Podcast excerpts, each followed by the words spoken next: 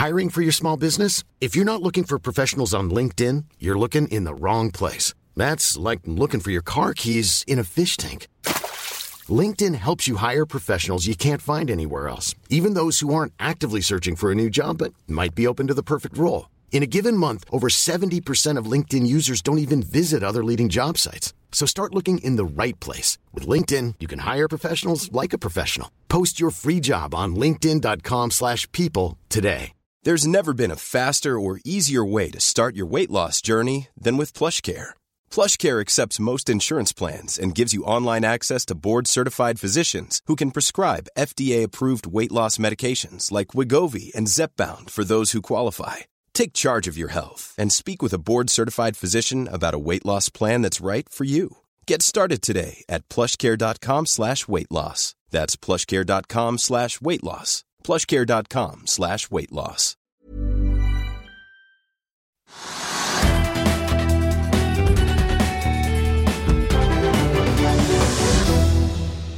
47,2 milliarder, ja det er verdiene som så langt i dag har blitt barbert bort for aksjonærene i Movi, Lerøy, Austevoll Seafood, SalMar, Grieg Seafood og Norway Royal Salmon på denne onsdag 28.9. En dato som utvilsomt vil bli husket som en dyster dag for norsk oppdrettsnæring. Velkommen til Økonominyhetene, der vi selvfølgelig skal snakke om den store skattepakken som regjeringen presenterte i morges, der både oppdrett, vindkraft og kraftbransjen generelt påvirkes ganske så mye. Bransjen har også begynt å komme med uttalelser og reaksjoner selv, i tillegg selvfølgelig da til Sjømat Norge. Men Lerøy skriver i en børsmelding som bare er en halvtime gammel, at ledelsen og styret i Lerøy har ikke full oversikt over den, hva den norske regjeringen foreslår, men kan allerede nå slå fast at forslaget er meget næringsfiendtlig og vil få alvorlige konsekvenser dersom ikke kystens folk og den ansvarlige delen av Stortinget bruker høringsrunden godt og stanser forslaget. Movi har sagt lite i sin melding om de faktiske konsekvensene for konsernet, utover å påpeke at det altså kan bli snakk om en samlet skattesats på laks og ørret på 62% over da 4000-5000 tonn årlig produksjon.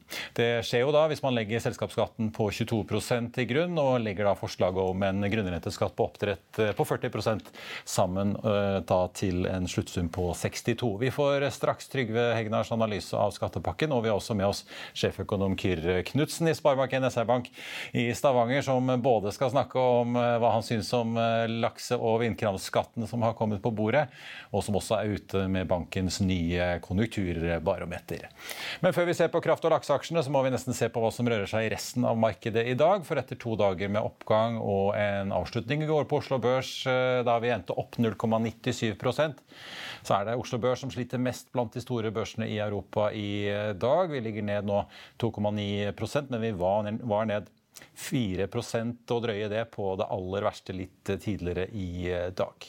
På Street var det litt blant i går, med en etterlengtet oppgang på Nasdaq får vi si, på 0,25% mens Dow Jones og S&P endte ned 0,4 og 0,2% I Asa i dag så var det en relativt sur stemning på børsene med et fall jevnt over, og futuresene på Wall Street peker mot et fall der også når det amerikanske markedet åpner om en times tid. Vi ser også at de store indeksene rundt i Europa er jevnt over røde i dag, dog, dog ikke like mye som Oslo Børs.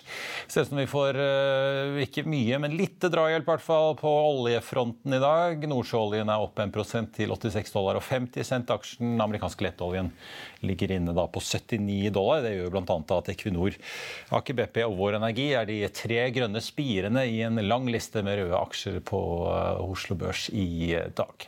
Og Energimarkedet er jo spent da etter eksplosjonene i Nord Stream 1-rørledningene Nord Stream 1 og 2 på mandag kveld. I morges norsk tid så var utenriksministeren i USA, Anthony Blinken, ute på Twitter og sa at han har snakket med sin danske kollega, og at USA støtter Europas energisikkerhet. Og I dag har det kommet frem at bl.a. Equinor, Aker BP og Vår Energi har hevet sin beredskap på norsk sokkel. Eksplosjonen i Nord Stream-rørledningene skjedde jo kort tid før den nye rørledningen fra Norge via Danmark til Polen, Baltic Pipe, settes i drift for fullt. Og hvis du vil høre mer om det, så kan du gå inn på f1.no-tv og se intervjuet vi hadde i morges med SEBs Bjarne Schjelderup. Av andre nyheter som er verdt å få med seg, så annonserte Rex Silicon i dag at de bytter toppsjef. William, William Curtis Levens tar over på dagen etter James May, som har sittet siden november 2021.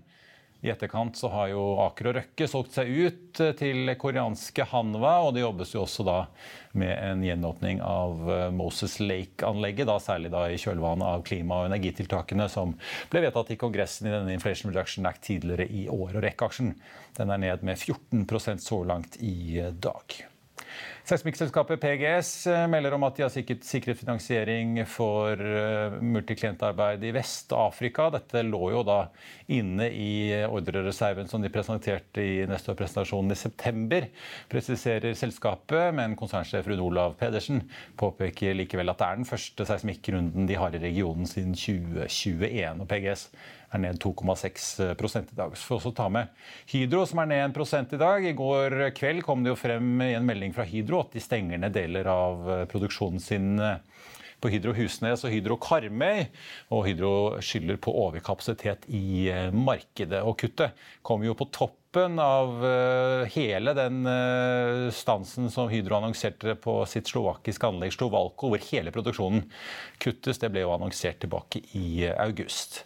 Konserndirektør Eivind Kallevik, som leder aluminium-metalldivisjonen i Hydro, sier at selv om 50% av Europas produksjonskapasitet for primæraluminium har blitt midlertidig eller permanent stengt i løpet av det siste året, så fører nå fallet i etterspørsel til en oppbygging av lagre som gjør det nødvendig med ytterligere tiltak tiltak. Hydro velger å stenge anleggene sine som ligger i områdene i Norge med høyest strømpris, og er selv åpne på at de nå får frigjort en god del strøm som de kommer til å selge i eh, markedet, eh, basert på langtidskontrakter som de ellers har. Det er snakk om 1,75 TWh, eh, eller tilsvarende et forbruk på mellom 170 og 200 megawatt. Omtrent da fra hvert fall utgangen av året, når denne nedjusteringen av produksjonen er iverksatt for fullt. Og det betyr at mellom 110 og 130 000 Eh, tonn aluminiumsproduksjon da tas ut av eh, løpet til Hydro.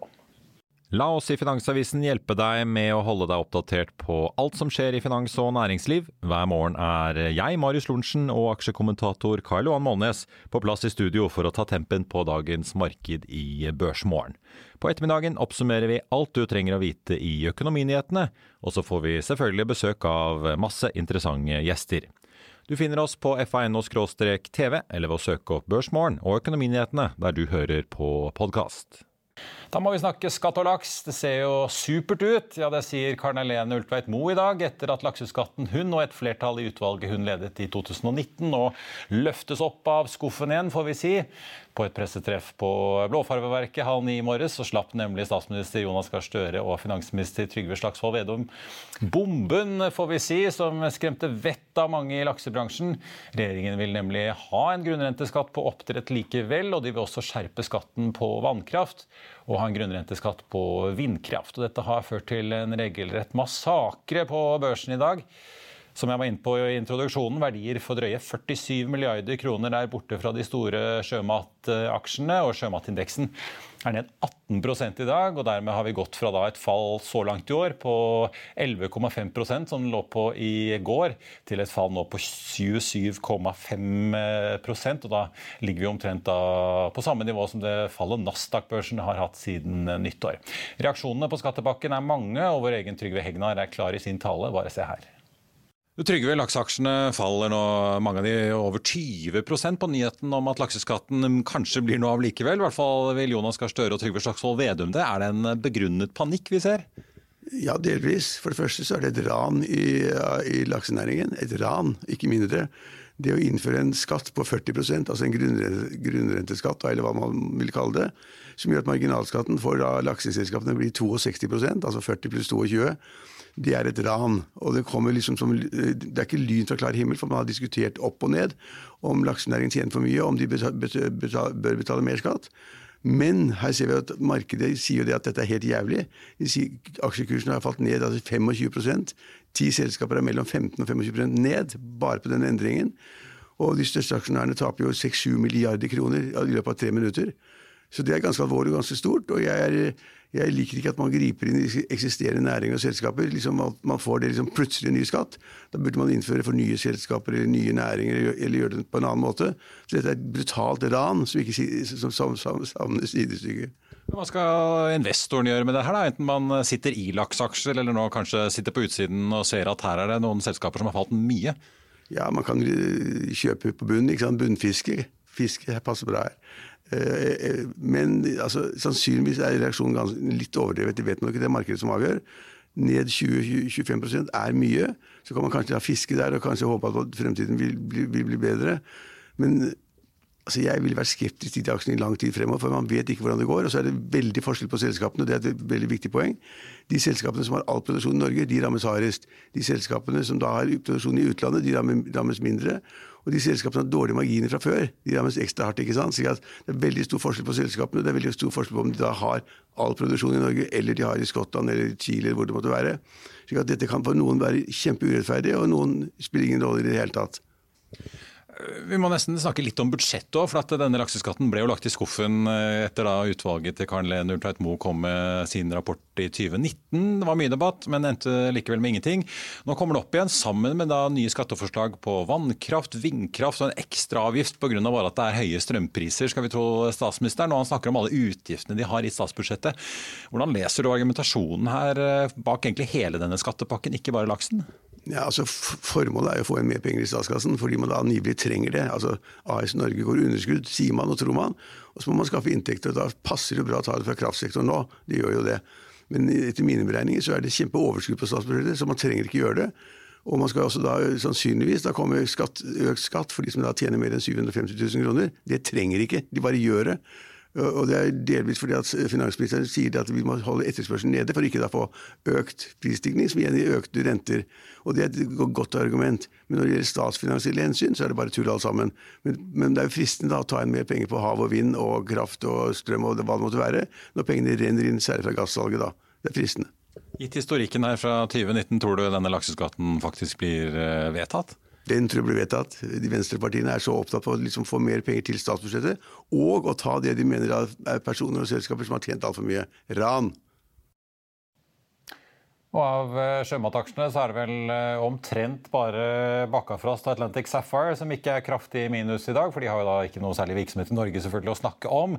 Av de norske gigantene så er det SalMar som er hardest eh, rammet med et fall altså på rundt 27 i dag. Men også kraft- og energiaksjer rammes også. Vi ser at Calberry er ned nesten 12 i dag. Arendal Fosse Kompani ned 7,3.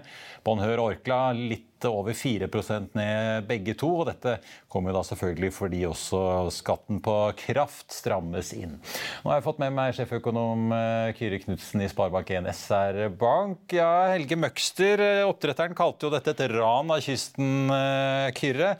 Jeg vet ikke om du er enig i det, om du hadde forventet at de skulle dra denne skattepakken opp av skuffen igjen etter at den ble slengt nedi der i 2019? Eh, det er, jeg syns det er veldig overraskende. Altså, og Du ser det jo på børsen i dag òg.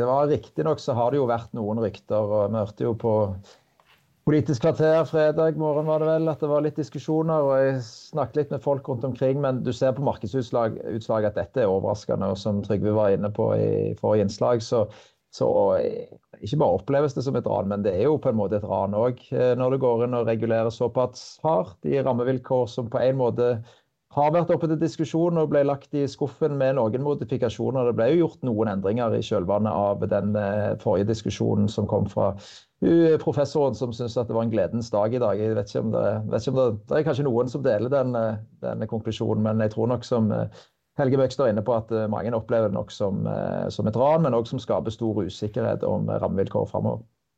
Ja, for, altså, la oss ta det da. Nå sier jo regjeringen selv at de regner med at dette er den, hvis, vi tar, hvis de begynner med lakseskatten, da, før vi kaster oss over mm. vannkraft og, og, den andre, så sier de jo selv altså det er en effektiv skatt på da 40% på laks, ørret og regnbueørret, og så har de et bunnfradrag der på 4000-5000 tonn i året. Eh, skal virke fra 1.1 neste år, og de regner med at dette skal gi mellom 3,65 og 3,8 milliarder kroner årlig inn i statkassen, statskassen, fordelt da mellom eh, altså Dette skal gi da eh, inntekter som fordeles mellom stat og kommune. Hvis du ser på da fallet i markedsverdi til disse sjømataksjene, så er jo det omtrent tolvgangeren av de forventede årlige skatteinntektene. Så det er vel eh, på en måte en grei indikator på hva markedet har bakt inn her. Men eh, likevel, hva vil du si om de tallene som regjeringen faktisk legger opp opp til her? Ehm, det er klart, bare sånn Konseptuelt, det med en grunnrentebeskatning på fellesskapets ressurser, bare, bare for å ta det, det er jo ikke, det er jo ikke liksom helt utenkelig og nå, og nå, at, at, det skal være noe for de bransjene som bruker fellesskapets ressurser. Men akkurat for eh, havbruk så har, det måte, det, er jo, har man jo et system allerede. Eh, så det er jo mer det om man kunne lagt dette på eh, fremtidige lisenser. Eh, og de andre tingene som vi skal inn på nå, er på en måte, jeg tror det er viktige avklaringer for en del bransjer nå, som f.eks. på både på eh, vind på land, men òg vind på havs, som ikke blir regulert i dag. Eh, så størrelsesorden så er det jo egentlig vanskelig å estimere, fordi at det er jo minst to variabler her. Det er prisen på laks, og det er volum, og det er kostnadene. Så det blir jo på en måte et litt sånn best guess. Eh, men sånn i forhold til hvor inntjeningen eh, har vært den siste tiden, og hva som kan forventes framover, og da hvor mye av den, dette overskuddet som må inn i skatt, så virker det ikke som helt urimelige anslag på opp mot 4 milliarder i årlig skatteinngang. Men det man ikke tar hensyn til, litt som Trygve var inne på, er jo hva betyr dette for fremtidig lokalisering av anleggene. Altså vil det være noen her som allerede er etablert ute, som i dag har mye i Norge, som vil da liksom se på om rammevilkårene blir så lite gunstig i Norge at man eh, plasserer mer ut. I så fall blir det mindre aktivitet og mindre overskudd i Norge, alt annet like. Ja, for hva tror du, altså, Nå er jo SalMar en av de som faller aller mest i dag. De er jo eh, gått i kompaniskap med Kjell Inge Røkkes Aker med dette eh, SalMar Aker Ocean for å virkelig få skala på offshore oppdrett. Eh, er jo i hvert fall det de håper å, å få til. Det er jo snakk om store investeringer hvor man da må knekke den kommersielle nøtten for å få dette rundt, med da selvfølgelig høyere produksjonskostnad enn en vanlig oppdrett. Men man får jo ikke egentlig lov i Norge til å vokse noe særlig mer nå, rett og slett for det, det er liksom ikke noe, det er ikke noe mer lisenser å få. Hva tror du dette vil gjøre med bransjens på en måte vilje og evne til å ta disse store investeringene i Norge for å begynne med enten oppdrett i nye typer anlegg eller på offshore?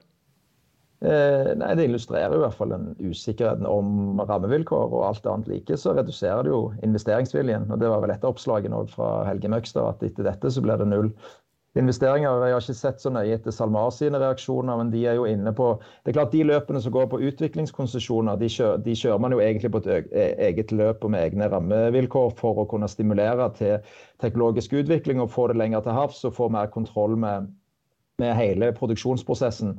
Eh, så, så, så, det på en måte løpet går jo, men det er klart villigheten da, til å liksom planlegge med at man skal da plassere det i Norge, kan jo da falle, eh, vil jeg tro. og Man vil se på alternative lokasjoner. Jeg tror også det, det er noe som er veldig rart med liksom, når de nå legger fram det forslaget. fordi at det, eh, det er jo helt åpenbart at for mange bransjer, inklusiv oppdrett og laks, så er jo strøm en veldig viktig faktor inni dette.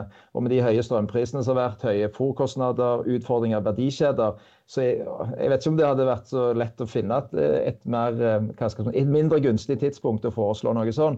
Én ting er at måte, de har tjent ganske godt med penger, men den usikkerheten som er i mange dimensjoner nå for den bransjen òg, eh, kommer jo på toppen av liksom, den rene skattemessige effekten av forslaget, og òg den liksom, regulatoriske usikkerheten med at de nå plutselig innfører det igjen og tar det opp av skuffen, og at det ikke har vært liksom, Det er nok mange som ikke har tenkt at dette, dette skulle komme på bordet igjen. Men altså, øh, offshore oppdrett og sjømat generelt blir jo ofte løftet frem som en av de bransjene vi liksom skal lene oss på etter hvert som olje- og gassnæringen med årene og tiårene vil øh, bli mindre og mindre, sånn som i hvert fall de fleste regner med. Hva gjør dette her at man innfører denne ekstra beskatningen øh, med utsiktene til at sjømat faktisk skal kunne bli det der solide støttebenet vi har å lene oss på? Nei, Det er et kjempegodt spørsmål, og det blir jo kjempeinteressant å se hvordan på en måte næringsminister og fiskeriminister når de, de har jo vært ute og sagt at de skal femdoble sjømatproduksjonen i Norge fram mot 2050, hvis jeg ikke husker helt feil. Eh, og det er klart Sånne ting som dette må jo òg gjøre vondt for finansministeren, sant? som er opptatt av eh, eh bygder og, og, tettsteder rundt omkring langs kysten. Så jeg, kan liksom ikke helt se for meg noe annet enn at det vil komme mye reaksjoner fra og Arbeiderpartiet òg, altså fra egne folk i egne rekker som tenker at dette her er eh, veldig overraskende og, og eh, både nærings eh, hva skal man si, utfordrende for viktige næringer for mange av de som er eh, hva skal man si, velgerne av disse to partiene. da. Eh, og det er, jo, det er mange som jobber i disse bransjene. det er jo ikke sånn at liksom, Vi snakker jo ikke bare at du kan ta ut noe overskudd fra eierne, og så, og så kommer alt til å fortsette som før. Dette kommer jo til å få konsekvenser. Vi har gode forutsetninger for uh, sjømatproduksjon i Norge, men vi må jo ha rammevilkår som er forutsigbare og som er konkurransedyktige. Bakteppet litt her. Jeg vil gjerne ha kommentarene på det, Kiri. Altså, statsminister eh, Støre sto også på podiet på Blåfarverket i dag og snakket om eh, alle disse ekstraregningene som staten får med støtte til Ukraina. Det er 26 000 ukrainske flyktninger som har kommet til Norge. De skal ruste opp Forsvaret, de har en strømstøtte å betale, folketrygden tikker og går eh, og blir stadig større på budsjettet, i hvert fall målt i, nominelt i milliarder. Så ganske mange titalls milliarder mente han da som må dekkes inn. Eh, og da viser du til at fremfor å kutte i velferd eller øke skattene for folk flest, så skal de altså innføre dette her. Hva tenker du om det da? Vi har jo tross alt en voldsom oppgang i olje- og gassinntektene, men de regner jo ikke da med? Ja, det er jo Noen burde jo gitt beskjed om at det finnes et oljefond. Altså, det er jo sånn, Alle med andre følger jo med på alle de inntektene som kommer inn i statskassen. og mange av de inntektene er jo mye mye større enn det, med, det, det de regjeringen har regnet med på når vi starta året, og når du hadde revidert nasjonalbudsjett. Mange av de kostnadene som man nevner, de har jo vært kjente kjempelenge. de. Altså, det, det, ingen av de som har kommet siste uken. Eh, og heller ikke sånn så i forhold til nå har jeg ikke sånn rent veldig nøye på det, men det er ingen av de kostnadene som er veldig mye større enn hva de måte kunne regnet med for en stund siden. Det er klart den Strømstøtten til bedriftene den er veldig liten. Det er tre milliarder. Der, sant? Det er jo nesten ingenting det er i sånn statsbudsjettsammenheng. Så jeg, jeg, eh, for å si det, Han sa det vel selv for ikke så lenge siden, eh, statsministeren, at han er glad det er tre år til neste valg. Eh, og Det kommer til å bli interessant hvordan dette blir diskutert. Én ting er opposisjonen, som åpenbart kommer kommer til å ha sine innspill, men jeg tror òg innad i, i, eh, regjeringspartiene at dette, dette, kan jo virkelig skape splid eh, internt. Men er det sånn at det bare er eh, vi i privat sektor holdt jeg på å si, som må spare inn når det nå er prispressinflasjon og energikrise, eller tror du det også kommer noe kutt i offentlige budsjetter når budsjettet legges frem neste torsdag? Eh, det ble et kjempeinteressant spørsmål. og Det virker som om det man har tenkt, er å på en måte skyve på en del offentlige, altså prosjekter, da, større offentlige prosjekter for å skape litt mer, eh, litt mer, rom i budsjettet. Men mange av de er jo viktige prosjekter da, for de som er avhengig av infrastruktur, eh, god infrastruktur rundt omkring i landet. Så, så det er jo ikke alltid at det er det smarteste å gjøre det heller. Sant? For det kan være viktige prosjekter om det om det er kystveien fra Stavanger til Oslo. Det er vel noen broer mellom Stavanger og Bergen kanskje som kan ryke? Ja. Det er det fort, og infrastruktur eh, rundt Oslo. Så, så, det er ganske mange dimensjoner med det som nå skjer. Men så har du selvfølgelig at en del kostnader og inflasjonspress og sånt gjør at man nok bør se på totaliteten i budsjettet. Men det jeg òg savner, er jo en litt mer nyansert inngang til pengebruk. Det er jo ikke all eh, pengebruk over statsbudsjettet som er like inflasjonsdrivende. Eh, og at man har, kanskje har liksom begynt å nyansere det òg, for det høres jo ut som samme hva man bruker penger på, så er det like inflasjonsdrivende. Og bare sånn i forhold til den strømstøtten og strømpakken og sånn som vi har vært inne på før, så er det jo sånn at hvis du sammenligner situasjonen nå med før strømprisene begynte å øke, så har regjeringen, eller liksom statsbudsjettet drar inn eh, ja, nesten 100 milliarder ekstra. Så bruker de 43 pluss 3 til bedrifter, det er nesten 50. Så du har jo netto dratt inn 50 milliarder her. Eh, og og at man ikke liksom klarer å gjøre, eh, gjøre den nyansen engang når man nå skal diskutere på en måte pengebruken og mot bedriftene. Og så drar du inn da 33 milliarder her i tillegg. Så kan man jo liksom begynne å tenke litt på eh, bedriftenes ve og vel i, i dette landet. med, med de utfordringer som en del har. Og så selvfølgelig jevnt over så går det greit med bedriftene, men vi går jo inn i en mye mer krevende tid nå enn det vi har lagt bak oss det siste året. Men du, La oss uh, snakke om si, de andre 30 milliardene i uh, denne pakken. Så får vi se hva de faktiske skatteinntektene blir, og hva som blir vedtatt. Men altså, Fra vindkraft så regner de altså med å få inn 2,5 milliarder årlig, og fra vannkraften så regner de altså med å få inn 11 pluss 2 pluss 16. For her er det både økt grunnrenteskatt på vannkraften og et sånn høyprisbidrag i tillegg. Og da også denne grunnrenteskatten som de var på 40% på, på vindkraft. Vannkraften de da øker fra 37 til 45. Det at de slenger på en sånn ekstraavgift, det har de jo gjort nå i Europa, men de har jo ikke grunnrenteskatt i utgangspunktet på f.eks. kraftproduksjon. Hvordan leser du det at de ikke bare endrer satsen på den skatten som er, men også slenger på en ny avgift for kraftbransjen sånn plutselig nå, bare fordi det er høye priser? Eh, ja, det er jo litt rart i forhold til at vi trenger jo mer fornybar energi og økte priser, alt annet like Eh, gjør det jo mindre gunstig å investere. Eh, og det at de endrer i seg sjøl, mener jeg òg er liksom at du, du, ryster litt ved liksom grunnfjellet i rammevilkårene. Så prøvde de seg riktignok på, på pressekonferansen om at ja, men det er så bra når du øker skatten, fordi at da ble på en måte fradraget større. Eh, men eh, det, og, og, og, dette med at det skal være lønnsomt før og etter skatt. Men det er, liksom, det er jo forskjell på om ting er, går ti kroner i pluss, eller om den går ett øre i pluss.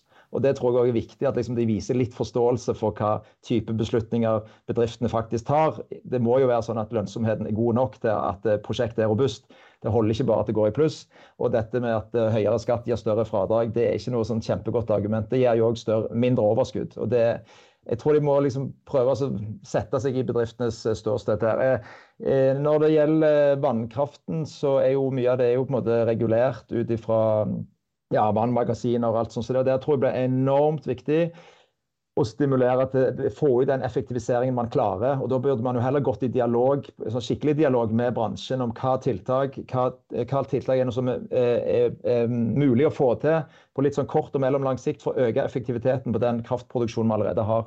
Eh, heller enn å slenge på en økt kraft. Bare for å svare på spørsmålet litt, så er det jo sånn at Når du da øker eh, grunnrenten, så øker du på en måte skatteinngangen til staten òg. Og så skal de jo splitte den òg litt. Grann mellom stat og kommune. Men du kan jo tenke dette her som et spill mellom stat og kommuner. Eh, for i dag så er det jo ganske mange av de kraftinntektene de kommer inn i, i selskaper som er eid av kommunene. Eh, heldigvis liksom offentlig er jo stor eier av kraft og kraftinntekter i Norge. Eh, men, men, når du endrer den skatteprosenten, så går det i utgangspunktet inn i grunnrenten, og da går det inn i statsbudsjettet og ikke inn i eh, kommunebudsjettet. Så det, også, tror jeg nok en del ordførere eh, ja, kommer til å se litt på dette, denne endringsforslaget. Jeg skulle til å si Det går fra Raymond i Oslo og rådhuset og, og over gatene bort til eh, Finansdepartementet og Trygve Slagsvold Vedum, så vi ser hvordan diskusjonen der blir på kammerset. Men altså, dere er jo ute i SR Bank nå med dette barometeret deres eh, som mm. dere kommer med med jevne mellomrom. En av overskriftene der er at mange bedrifter nå skyver på investeringer og forventer svakere lønnsomhet. Men eh, bare for å ta kraftbransjen først, da tror du at eh, vind- og vannkraftprosjekter som vi jo har sett Lyse annonsere, Statkraft annonsere, bl.a. annet i tillegg til en del vindprosjekter som selvfølgelig mange går og venter på å få lov til å bygge ut etter den stoppen vi har hatt, eh, at de blir utsatt eller skrinlagt som følge av dette her? Det er litt vanskelig å si, fordi at nå tror jeg mange av, mange av liksom har begynt å modne planer. Og så, og så kjenner nok veldig mange på en slags et veldig veldig sterkt ønske om å bidra til at vi klare å få opp kraftproduksjonen av liksom mange grunner. En ting er den norske kraftprisen, men Europa er jo på en måte i en energikrise. Så jeg tror at eh, vi, går inn i en tid der liksom ikke alle kommer til å finregne på kalkulatoren. Men det er klart, hvis vi alle har et mål om å få opp produksjonen så raskt som, så mulig og så mye som mulig, så er jo det siste man trenger er jo et sånn vanvittig forstyrrende skatteelement oppi det hele, som bare strammer inn skatten, og som alt annet like gjør det mindre lønnsomt å investere. Så jeg, ja, liksom, jeg, jeg, jeg, klarer ikke helt å få, få, disse endringene inn i en sånn logisk plass i forhold til hvor vi er nå. sånn Rent bortsett fra at man ønsker litt, litt mer penger inn i statsbudsjettet. Men av, av, alle utfordringer som vi står overfor nå, så tenker jeg at det, det, i verste fall så måtte vi brukt litt mer oljepenger. Også, sånn at vi kunne ha fått fortsatt med det som nå skjer, i forhold til at man igjen prøver å åpne opp den med vindkraft på land, der vi har gjort veldig mye men der det har blitt stopp, som du sa, der er det nok et måte, betydelig potensial fortsatt. og Det er jo fortsatt, det er jo det området som kanskje er enklest en måte, i forhold til lønnsomhet å få til. Så, og Vannkraftverkene som jeg sa, der tror jeg det er en del å gå på, men det krever nok en del investeringer og litt større investeringer. Så har du havvind til havs. Det er jo et mye lengre løp. Eh, og ellers så må vi begynne å fyre opp gasskraftverket. Nå går jo diskusjonen i mange steder om når det blir rasjonering i Norge òg. Fordi hvis ikke snøen går tidlig nok til neste vår, så er det kanskje ikke noe magasin i vannet. Så, så, og, og, liksom, og da putte dette forslaget inn i den konteksten der, syns jeg er litt overraskende. Vi vet jo at Statnett har bedt Equinor holde beredskapen på gasskraftverket på Mongstad et år til, før de eh, legger ned hele greia, etter planen i hvert fall. Men ta litt på, til slutt bare kort om barometer ellers. Jeg sa jo det, Mange bedrifter rapporterer at de skyver på investeringer, men dere skriver også at det er en del sånn bransjeforskjeller eh, her nå, i en verden hvor veldig mange rammes av høye strømpriser og økende renter og stigende priser? Mm. Nei, Det er helt, eh, helt riktig. det Marius. Altså, sånn, I snitt så venter bedriftene sideveis utvikling. Altså flat aktivitet for, sant, det neste året, for å gjøre det veldig enkelt. Men de venter press på lønnsomhet. Og Det forteller oss jo at liksom, det er ganske mange bedrifter som merker at kostnadene øker, og man klarer ikke å øke inntektene tilsvarende.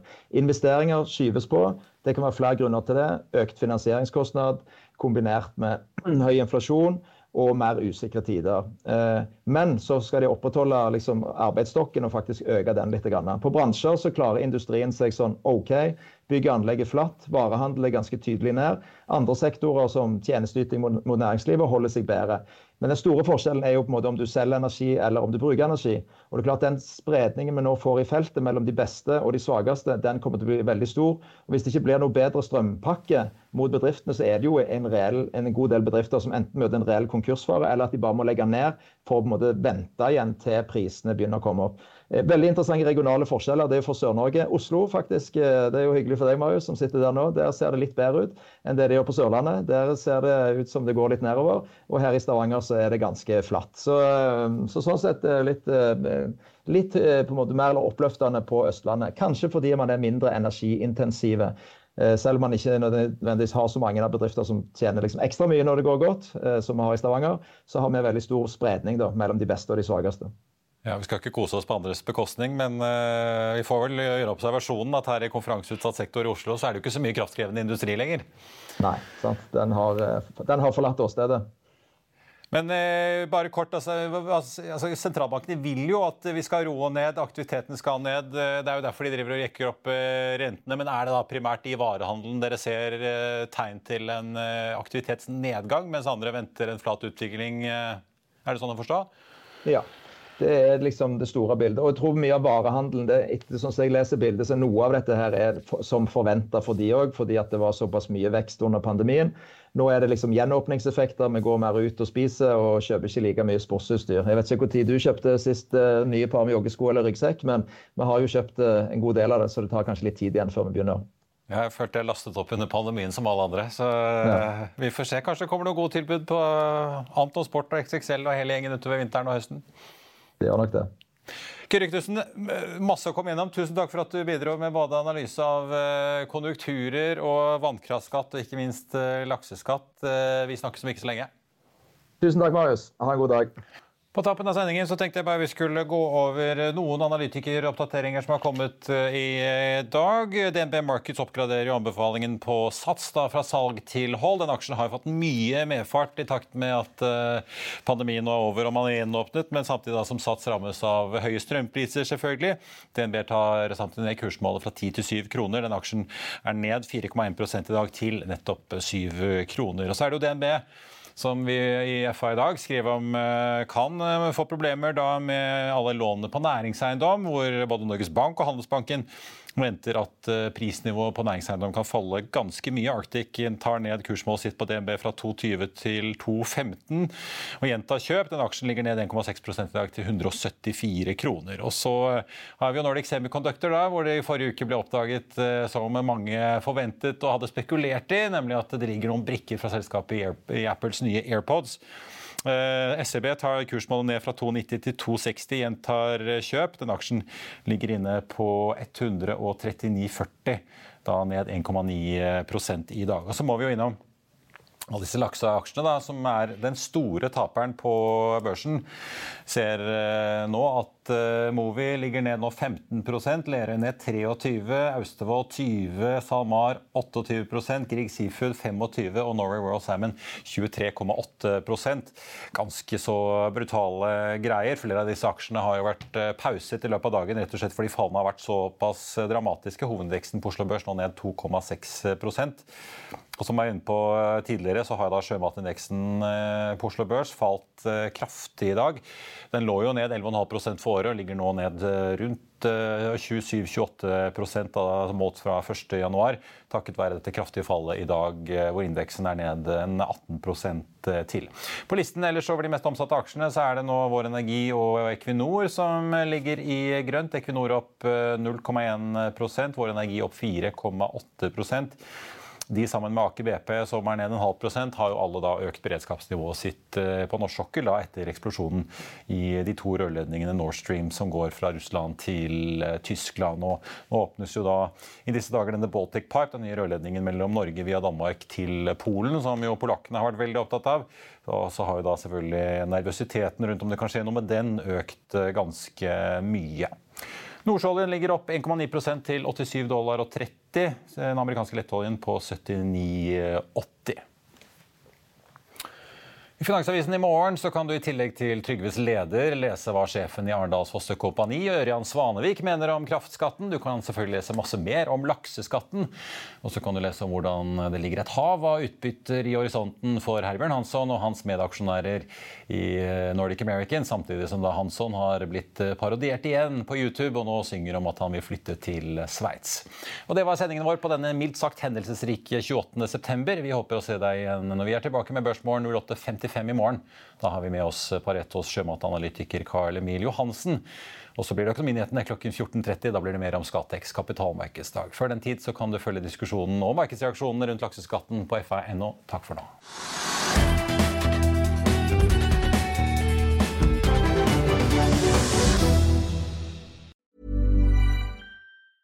Small details are big surfaces. Tight corners are odd shapes. Flat, rounded, textured, or tall. Whatever your next project, there's a spray paint pattern that's just right. Because Rust new Custom Spray 5 and 1 gives you control with five different spray patterns.